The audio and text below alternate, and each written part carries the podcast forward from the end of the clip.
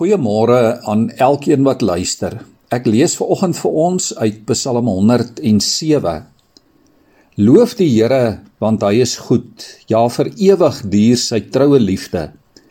Moet hulle sê wat deur die Here vrygekoop is. Hulle wat vrygekoop is uit die hand van teestanders en byeengebring is uit alle lande, uit die ooste en die weste, uit die noorde en vanaf die see Hulle het in die woestyn rondgedwaal, in die wildernis was hulle op pad. 'n Stad, 'n woonplek kon hulle nie kry nie. Hulle was honger en dors, die lewenskrag in hulle het weggekwyn. Toe het hulle in hulle nood na die Here om hulp geroep. Uit hulle benoudheid het hy hulle gered. Hy het hulle op 'n gelykpad gelei om na 'n stad, 'n woonplek te gaan. Hulle moet die Here loof vir sy troue liefde vir sy wonders aan mense kinders. Liewe vriende, dit is vir my nogal baie opvallend deesdae in besoeke en in gesprekke. Hoeveel mense het kinders of familie of vriende iewers in 'n ander land?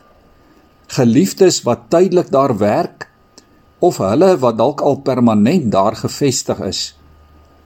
Dalk is dit 'n vreeslike veralgemening Maar ek wonder of daar iewers op aarde 'n land is waar daar nie Suid-Afrikaners is nie. En dit is wonderlik om te sien hoe goed ons mense in die buiteland doen en aanpas. Dat hulle oor die algemeen gelukkig is.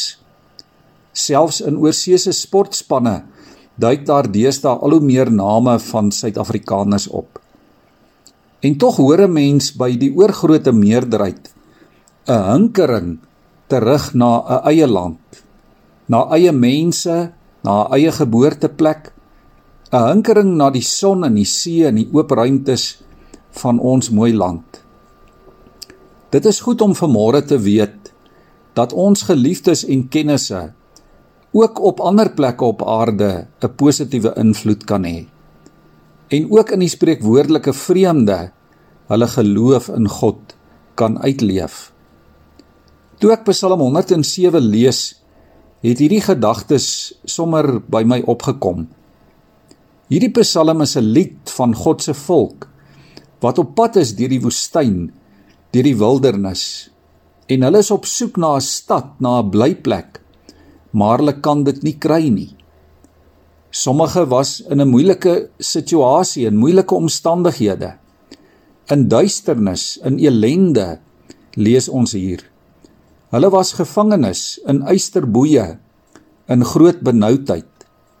Ander het op bote op die see gewerk in stormwinde en beproewings.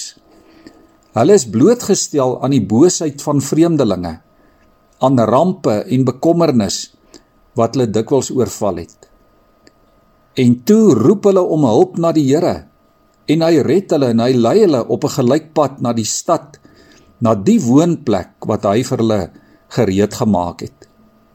Vers 3 sê: Die wat deur die Here vrygekoop is, kom uiteindelik bymekaar uit alle lande. Ja, uit die ooste en die weste en die noorde en vanaf die see. En dit laat ons vanmôre ook dink aan die nuwe Jerusalem waarvan ons lees in Openbaring waar al God se kinders uiteindelik versamel sal wees uit elke uithoek van die aarde voor die troon van God. Openbaring 21 en 22 sê: Vir die wat dors is, sal hy laat drink uit die fontein van die water van die lewe verniet. En hulle sal nooit weer honger wees nie, want hulle sal eet van die boom van die lewe. Liewe vriende, vanmôre kan gelowiges dwars oor die wêreld weet dat ons uiteindelike vaderland is by God en saam met die God van ons redding. En daarvoor moet ons God eer.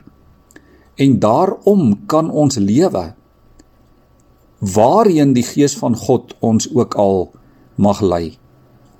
Ten minste 4 keer herhaal Psalm 107 dit in verse 8 en 15 en 21 en 31. As die psalmdigter hier sê: "Julle moet die Here loof vir sy troue liefde vir sy wonders aan mense kinders. Kom ons buig ons hoofde in gebed. Here ons bid vanmôre vir ons geliefdes naby en ver. Dankie Here vir die versekering van u onbegrensde en eindelose redding en vir die sekerheid van 'n ewige tuiste, ewige vaderland in u vaderhuis. Ons loof u Here vir u liefde en vir die wonders wat u in ons lewens doen en dat dit uiteindelik oseane oorbrug en kontinente oorspan. Here, dankie dat u ook vir ons die middel van gebed gee wat ook grensloos en eindeloos is en dat ons vanmôre vir mekaar kan bid. Amen.